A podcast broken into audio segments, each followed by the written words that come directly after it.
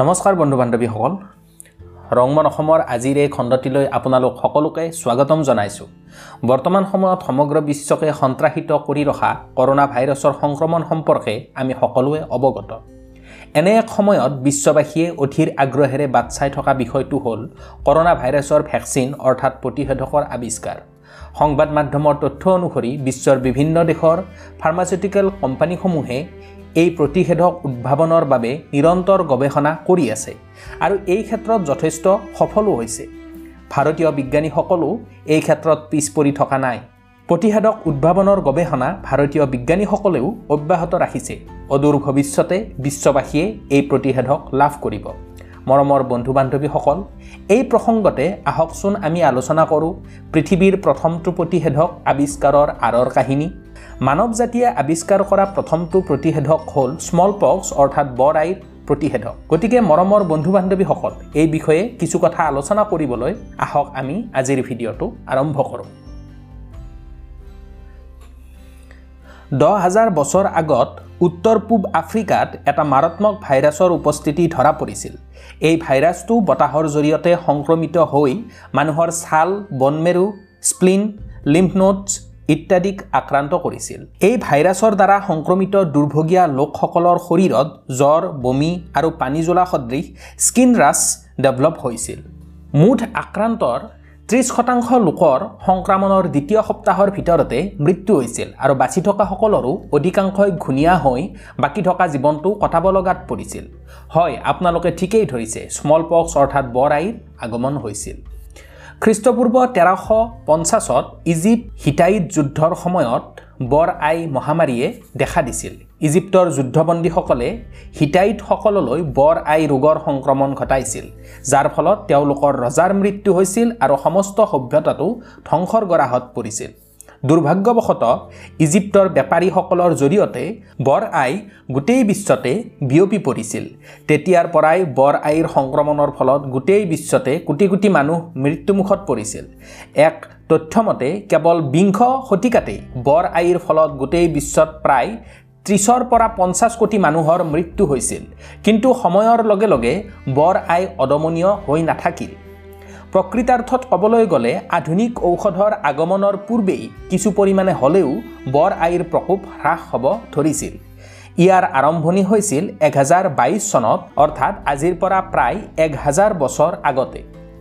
The correct treatment of smallpox নামৰ এখন কিতাপত পোৱা তথ্য অনুসৰি চীন দেশৰ দক্ষিণ দেশৰ এখন প্ৰদেশৰ অ' মিং চান নামৰ এখন বিখ্যাত পৰ্বতত বাস কৰা এগৰাকী বুদ্ধিষ্ট নানে বৰ আই হোৱা লোকৰ ঘাৰ পৰা স্কেপ কালেক্ট কৰি সেইবোৰ গুৰি কৰি সুস্থ মানুহৰ দেশত নাকেৰে ভৰাই দিছিল। তেখেতে এইটো কৰিছিল কাৰণ তেওঁ দেখিছিল যে এবাৰ বৰ আইৰ পৰা আৰোগ্য হোৱা ৰোগীৰ দেহত পুনৰাই বৰ আই হোৱা নাছিল। তেখেতৰ এই চিকিৎসা পদ্ধতি ফলপ্ৰসূ আছিল। এই পদ্ধতিটোক ভেৰিঅলেশ্যন বুলি কোৱা হৈছিল। লাহে লাহে ইভলভ হৈ আহি সোতৰশ শতিকালৈ চিকিৎসকসকলে আক্ৰান্ত ৰোগীৰ দেহৰ ঘাৰ পৰা পুজ সংগ্ৰহ কৰি সুস্থ মানুহৰ দেহত প্ৰয়োগ কৰিছিল। এই পদ্ধতিটোৱে কিছু পৰিমাণে কাম কৰিছিল যদিও পদ্ধতিটো ফুল প্ৰুফ নাছিল কাৰণ ইয়াক প্ৰয়োগৰ পিছতো তিনি শতাংশ লোক বৰ আইৰ সংক্ৰমণৰ ফলত মৃত্যুমুখত পৰিছিল। সৰ্বশেষত ব্ৰিটিছ ফিজিচিয়ান এডৱাৰ্ড জেনাৰে গাখীৰ পামত কাম কৰা লোকসকলৰ বিষয়ে কিছু ইণ্টাৰেষ্টিং ফেক্ট ন'টিছ কৰিছিল যাৰ দ্বাৰা বৰ্তমানৰ মডাৰ্ণ চলিউশ্যনটো আমি পাবলৈ সক্ষম হ'লোঁ।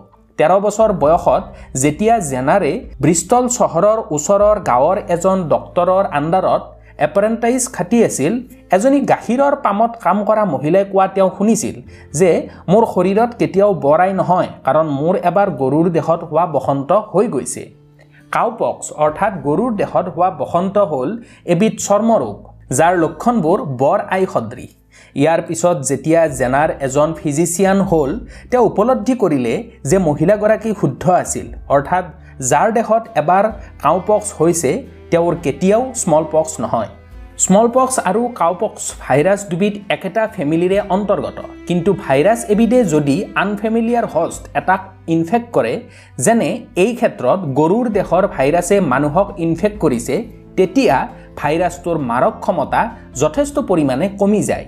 সেইবাবে জেনাৰে এই কাউপক্স ভাইৰাছটোক স্মল পক্সৰ ইনফেকশ্যনৰ পৰা মানুহক ৰক্ষা কৰিব পৰা যাবনে চাবলৈ এটা পৰীক্ষা কৰিবলৈ সিদ্ধান্ত ল'লে।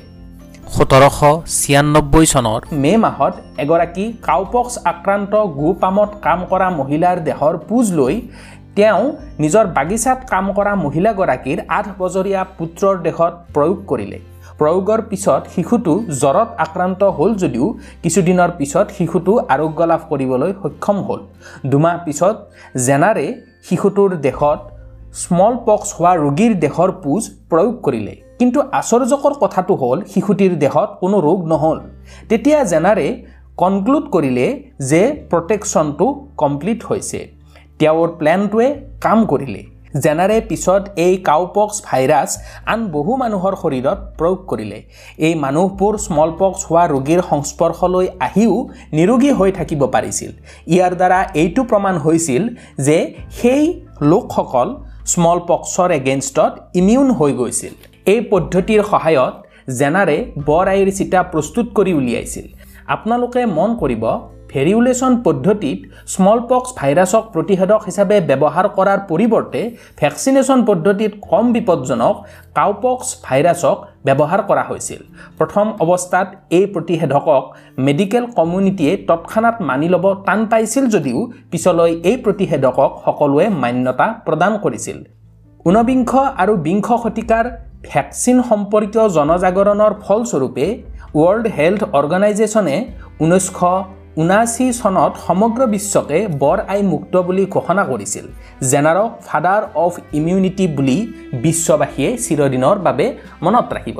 ইয়াৰ লগে লগে যিগৰাকী গৌ পামত কাম কৰা মহিলাৰ দেহৰ পৰা পুজ লৈ এটা আঠ বছৰীয়া শিশুৰ দেশত যে প্ৰয়োগ কৰা হৈছিল এই আটাইকেইজন মানুহেই সমগ্ৰ বিশ্ববাসীৰ আগত সদায় হিৰ'ৰূপে মনত থাকি যাব। কাৰণ তেওঁলোক অবিহনে বৰ আইক সম্পূৰ্ণৰূপে নিৰ্মূল কৰাটো কেতিয়াও সম্ভৱপৰ নাছিল। আৰু এই ক্ষেত্ৰত ক'ব খোজোঁ যে বৰ্তমান সন্ত্ৰাসিত কৰি ৰখা কৰোণা ভাইৰাছৰো প্ৰতিষেধক অতি কম সময়ৰ ভিতৰতে উদ্ভাৱন হ'ব আৰু ইয়াৰ দ্বাৰা সমগ্ৰ বিশ্ববাসীয়ে কৰোণা ভাইৰাছৰ সন্ত্ৰাসৰ পৰা মুক্তি লাভ কৰিব।